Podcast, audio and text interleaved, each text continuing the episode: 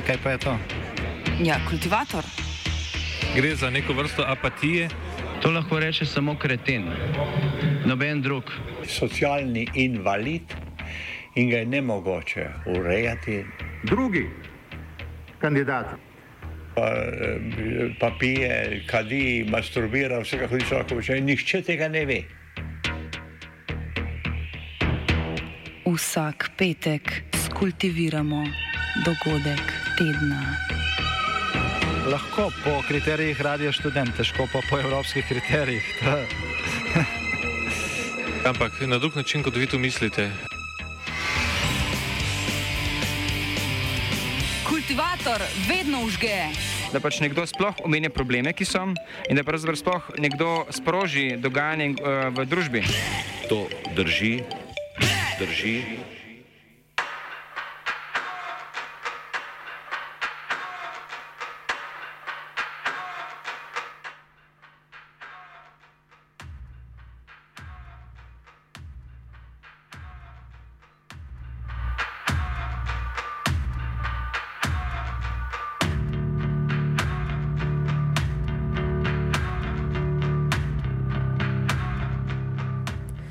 Današnjem kultivatorju bova Blaž in Živa kultivirala ameriške umestne volitve, tako imenovane midtermse. Američani in američanke so lahko v torek oddali glas na volitvah za senatorke in senatorje, predstavnike in predstavnice, guvernerje in guvernerke, lahko pa so se tudi opredelili do več referendumskih vprašanj. Med drugim so volišča imeli tako v šolah in knjižnicah, kot tudi na nekaterih bolj nenavadnih lokacijah, kot so pralnice. Ameriške umestne volitve, kot izraz midterms pojasni, potekajo potekajo približno na polovici štiriletnega mandata predsednika Združenih držav Amerike, tako potekajo na štiri leta. Na njih glasujejo o vseh 435 predstavnikih in predstavnicah spodnjega doma kongresa, 39 guvernerjih in guvernerkah zvezdnih držav ter o tretjini predstavnikov zgornjega doma kongresa, torej senatorjev. Če govorimo o ameriškem političnem prostoru, seveda ne moramo mimo neke specifičnosti, to je, da močno dominirata dve stranki tako stanje v bistvu že samo po sebi sil, um, ta večinski sistem, ki ga imajo, ta favorizira oblikovanje dveh blokov. To je v bistvu podobno kot v Združenem kraljestvu, kjer sicer nekoliko manj izrazito, ampak vseeno prevladujeta laboristična in konzervativna stranka. Drobljenje posameznega političnega pola bi namreč v takem prostoru pomenil, pomenilo krepitev nasprotnega pola, kar pa nobenemu izmed polov ni v interesu, in zato se mora po naravi sistema ta organizirati v eno stranko. Katera pa je ta stranka, katera stranka je zmagala? Ja, rezultati na volitvah še niso dokončni, ampak projekcije kažejo, da bi republikanci v spodnjem domu lahko osvojili sicer tesno, ampak vseeno večino, to je 221 sedežev, demokrati pa bi tako prejeli preostalih 214 sedežev. Situacija v zgornjem domu je nekoliko bolj tesna kot v spodnjem, saj se zdi, da bi v večini lahko odločil drugi krok v Džordžiji. Ampak ker smo pri volitvah in pri strankah, je tukaj zelo pogosto, da obe stranki razglasita zmago in to je na nek način upravičeno. A, republikanci so osvojili spodnji dom, a demokrati pa so jim preprečili, da bi um, ta, se pravi ta tako imenovan rdeči val, ki bi jim republikancem omogočal močno prevlado v obeh domovih. Bidenova administracija bo sicer v naslednjih dveh letih zaradi takega rezultata, kot je sicer običajno, imela oteženo delo, saj bo morala kompromise sprejemati z republikanci. Čas za večje reforme se je tako de facto iztekel v Bidenovi administraciji. Tokrat so američanke in američani torej glasovali o 35 senatorjah. Odkje je ta dodatni senator? Ja, če najprej mogoče razložim, kako sploh je razdeljen senat. Se pravi, razdeljen v tri razrede, oziroma classes, kako jih oni imenujejo, v prvi, drugi in tretji razred. Um, tako imenovana prvi in drugi razred sta sestavljena vsak po 33 senatorjev, tretji je nekoliko večji, tega so volili v torek in je sestavljen iz 34 senatorskih mandatov. Um, poleg vseh teh 34 mandatov iz tretjega razreda so odločili še o enem senatorskem mandatu iz drugega razreda, ki je za preostala štiri leta, se pravi, v bistvu oklahomski senator je odstopil in bo, uh, so na torkovih volitvah odločili, kdo ga bo za naslednja štiri leta nadomestil.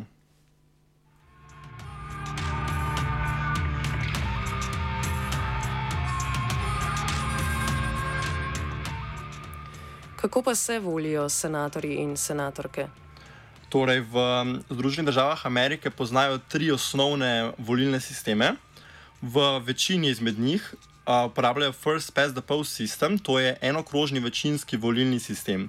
Izjema so tri zvezdne države, Georgia in Louisiana prakticirata dvokrožni večinski volilni sistem, kar v bistvu pomeni, da če nobeden od kandidatov že v prvem krogu ne dobi vsaj 50 oziroma enega več kot 50 odstotkov glasov, uh, se odvija še drugi krog.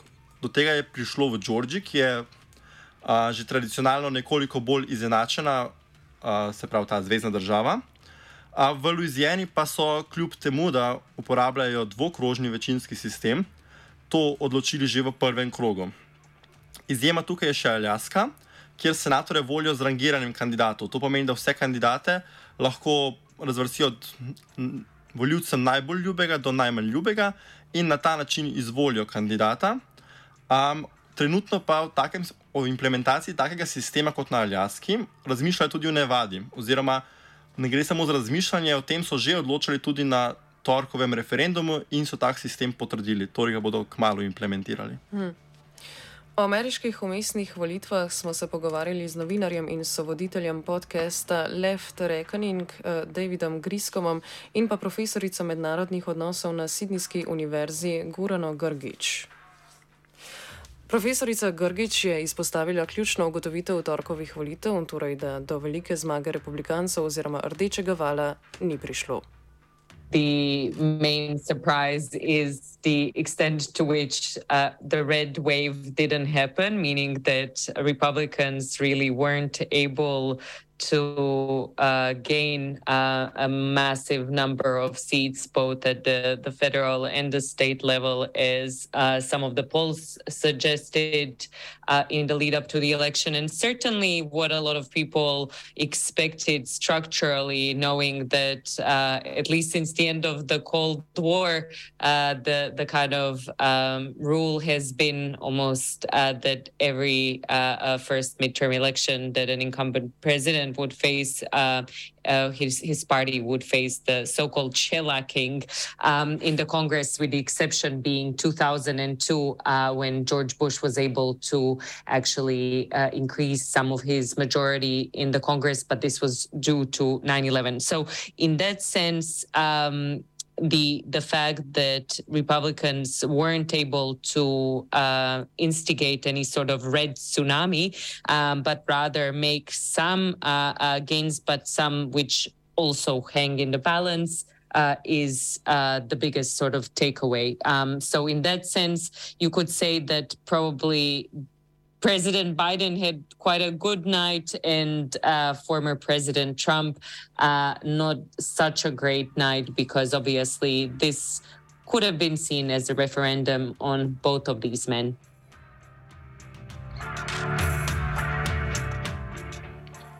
Novinar David Griscom pa je ocenil, da sta največja uspeha Bidenovih demokratov osvojitev senatorskega sedeža v Pensilvaniji in pa zmaga kandidatka za guvernerko v Michiganu. Prvič po letu 1990 je zmagovalka prišla iz iste stranke kot je aktualni predsednik, torej iz, od Bidna.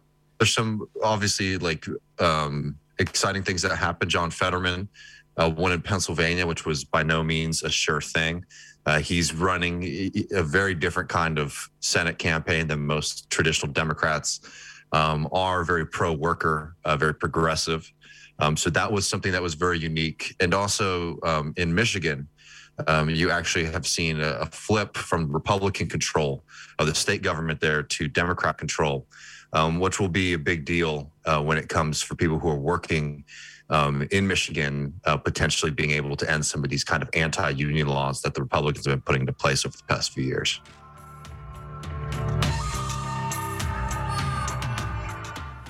Kot je omenil Griskom, je morda najpomembnejša politična trofeja, ki jo je demokratska stranka osvojila na teh umestnih volitvah, torej senatorsko mesto v Pensilvaniji. Pensilvanija je bila ena izmed ključnih držav, ki so s svojimi elektro, elektronskimi. Elektronskimi glasovi so pravičeno pripomogli k zmagi Joe Bidena. Tudi tokrat so Pensilvanci in Pensilvanke večinsko podprli demokratsko stranko in njihovega kandidata. Voda na mlin temu demokratskemu kandidatu pa je bil sicer tudi slaba oziroma nekako nepriljubljena izbira republikanskega nasprotnika. John Fetterman, demokratski kandidat, se je pomeril z republikancem Mehmetom Ozom, bolj znanim kot dr. Ozom. To je televizijski doktor, ki pa je precej znan po vprašljivih medicinskih nasvetih. Poleg tega je bil proti kandidat kot predstavnik višjega razreda precej oddaljen od povprečnega pensilvanskega voljivca. Po, po, v predvolilni kampanji pa so se pojavljala tudi vprašanja, ali kandidat dejansko sploh živi v Pensilvaniji. Profesorica Grgič je razložila, zakaj je v Pensilvaniji tudi v simbolnem smislu ta zmaga zelo pomembna za demokrate in posebno za Bidna.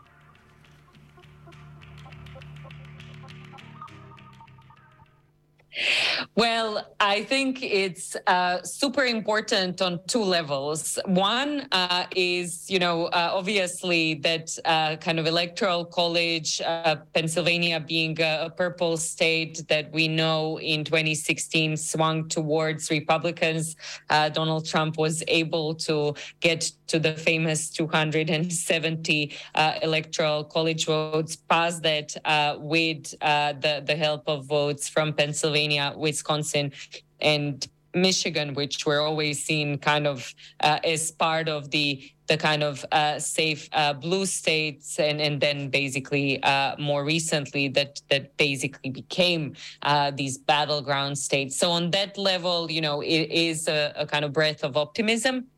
But on the symbolic level, I think it's really important to consider the fact that President Biden uh, comes from Pennsylvania. He often talks about himself as that uh, kind of scruffy kid from Scranton, Pennsylvania, and uh, for him, uh, you know, this part of, or for a lot of American politicians, to to be honest, you know, just in, if you think about the way that they talk about their childhood usually and, and kind of their uh, um, coming to age really as the the formative period. So for President Biden, it's always this kind of allusion to uh, the working class uh, in in Pennsylvania that he gets those people, that he's one of them, that he's kind of an ordinary Joe, and and so on.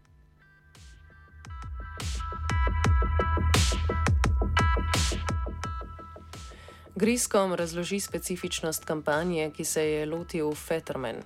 And what Fetterman is able to do that I think a lot of other Democratic candidates um, have really struggled to do is to not actually separate out, you know, some of these things like abortion, uh, some of these things like, you know, social issues from, you know, the economic struggles that a lot of people are, are, are suffering in this country. So, you know, compared to some of the other Senate candidates or traditional kind of Democratic politics, um, in in uh, in the U.S. Fetterman had a very very good merging of both issues like abortion, both issues like you know gay rights, etc., with saying you know we want to do more for working people. We need higher wages. We need to um, you know tax rich people. Etc. Like that was one thing that I think really opened up a door that I think the Democrats have been sort of ignoring for a long while.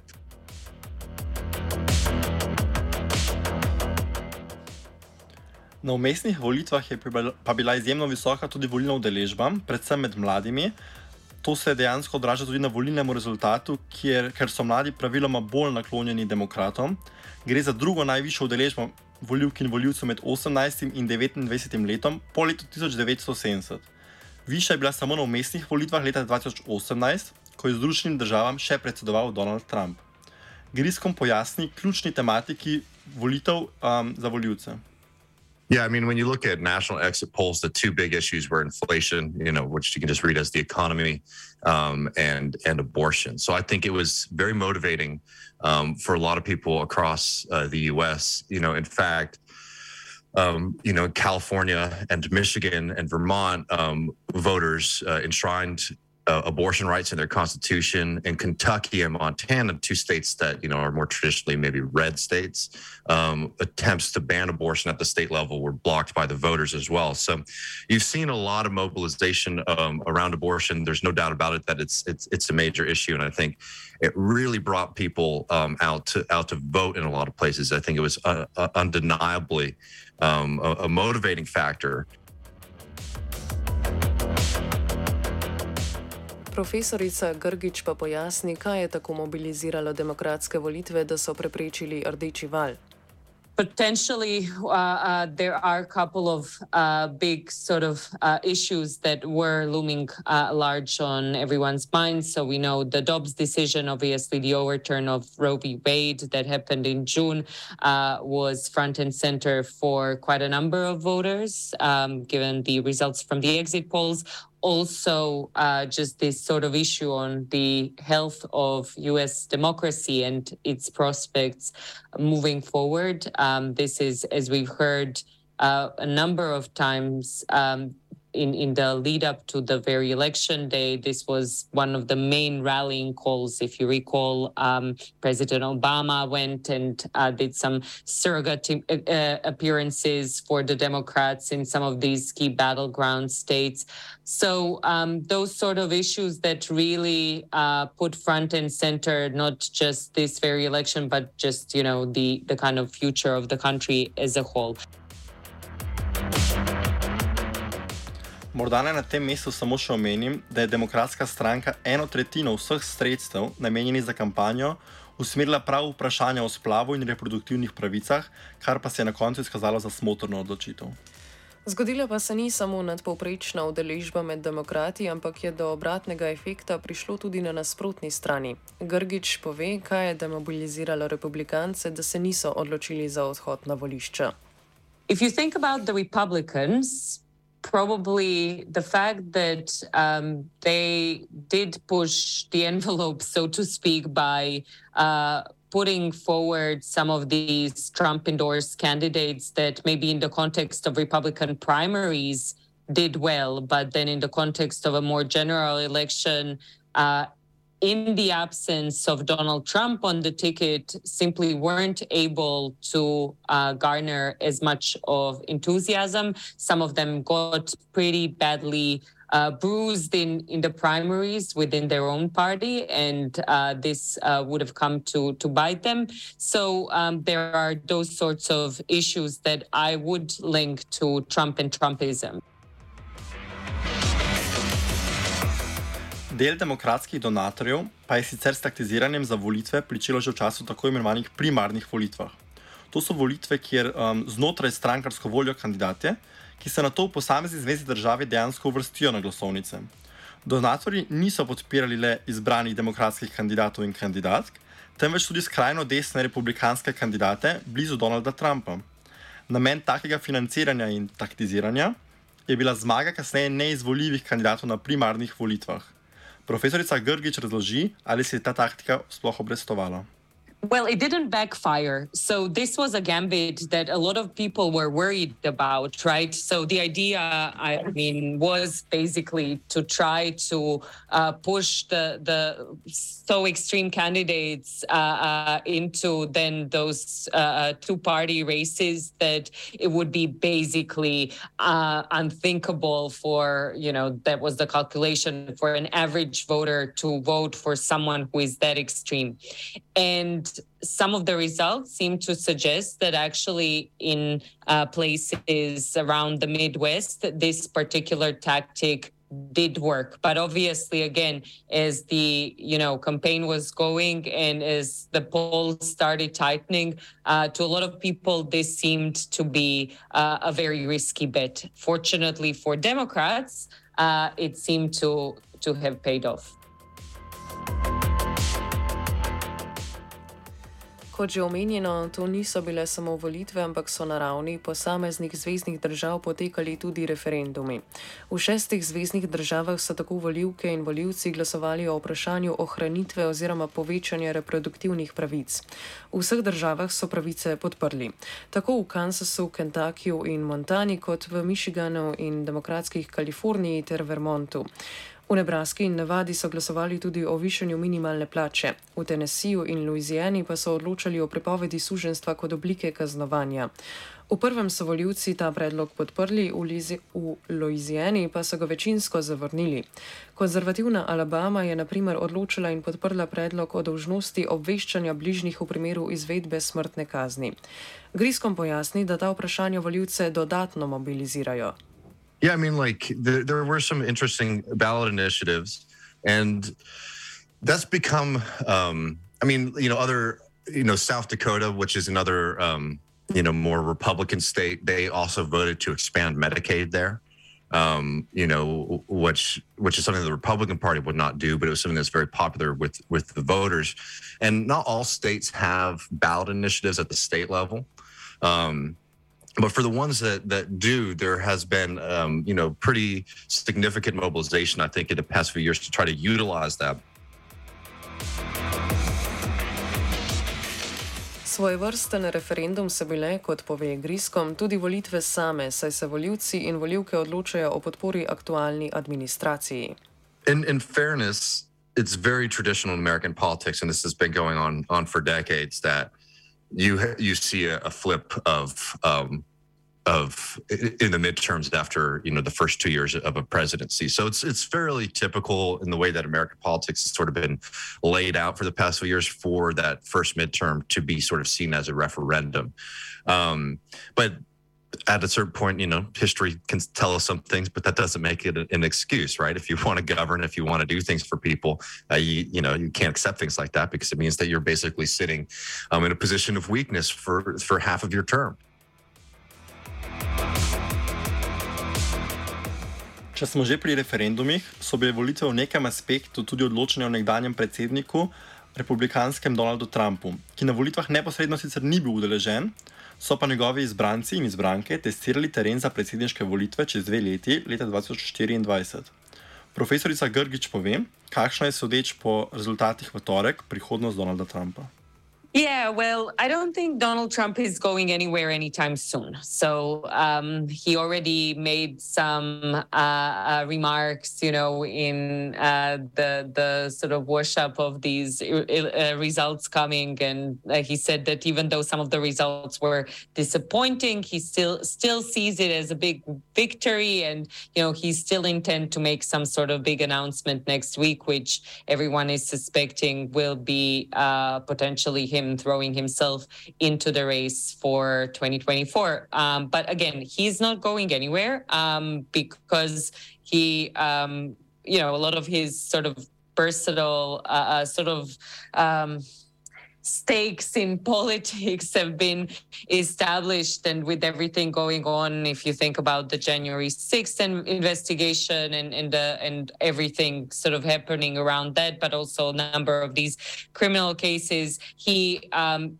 probably won't want to just you know sail into the sunset as it were um, because uh, that would uh, actually uh, that could potentially uh, um, stand to, to hurt him. So as long as he stays in the public sphere, he can always say that these sort of persecutions and cases made against him are just, uh, as he says, political witch hunts and so on.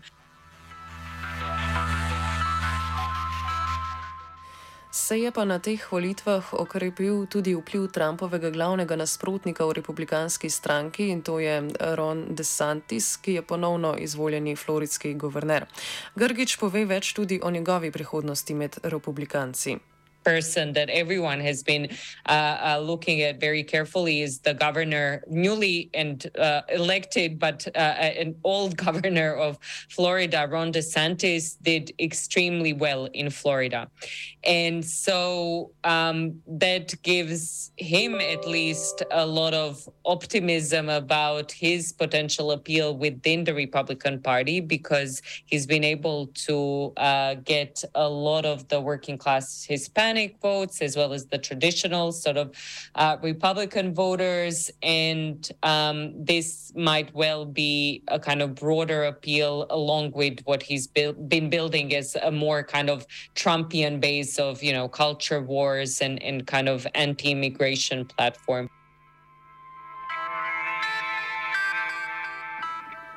Če sta se v rdeči republikanski stranki vsak na svoji strani poskušala okrepiti Trump in DeSantis, je to med modrimi demokrati poskušala doseči progresivna stroja. Griskom pove, da so bili na volitvah relativno uspešni, čeprav so običajno dežurni krivci za slabe demokratske rezultate v očeh bolj centrističnih demokratov. For the more progressive, for even the more democratic social side, um, you know, this was a successful election. You saw commanding wins for the members of the quote unquote squad, the kind of democratic socialist of America aligned members of Congress. Um, you also saw the the those um, that bench expand. Um, so right here in Texas, um, you know, despite how bad of a night it was for Democrats across the board, um, Greg Casar, um, who is a very pro-worker, left-wing um, former city council member and now uh, Congress-elect, um, congressional congressman-elect, um, is going to be joining up with AOC and Ilhan Omar and Rashida Tlaib, et cetera. Um, they also saw Summer Lee in Pennsylvania, um, who was a former member of the DSA's, no longer affiliated, but has that kind of similar pro-worker politics. She won um, in, in an election that was difficult both in the Democratic primary and then in the general election. Um, two people who aren't DSA affiliated, but I think you know if you're using a broad kind of understanding of like the progressive wing of the Democratic Party, um, Delia Ramirez won in Illinois, Maxwell Frost in Florida. So um, you have uh, four more members uh, joining up um, with uh, the progressive wing of, of the Democratic Party, uh, which means that you know that movement is only continuing uh, to grow. And um, you know, despite there, there's a bunch of people who've made a lot of money basically trying to. Na, na uradne rezultate umestnih volitev bo treba še nekoliko počakati, verjetno pa bo usoda zgornjega doma dokončno znana šele 6. decembra, ko se bosta v drugem krogu senatorskih volitev v Džordžiji ponovno pomerila demokratski in republikanski kandidat. Bidenova večina pa vsaj do takrat ostaja negotova.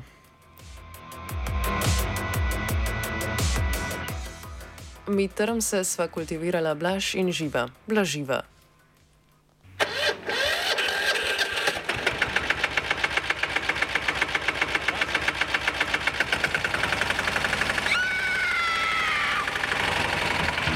E, kaj pa je to? Ja, kultivator. Gre za neko vrsto apatije.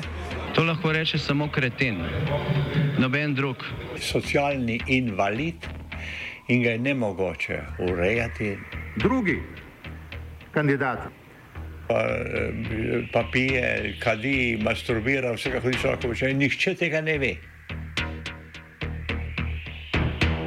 Vsak petek skultiviramo dogodek tedna.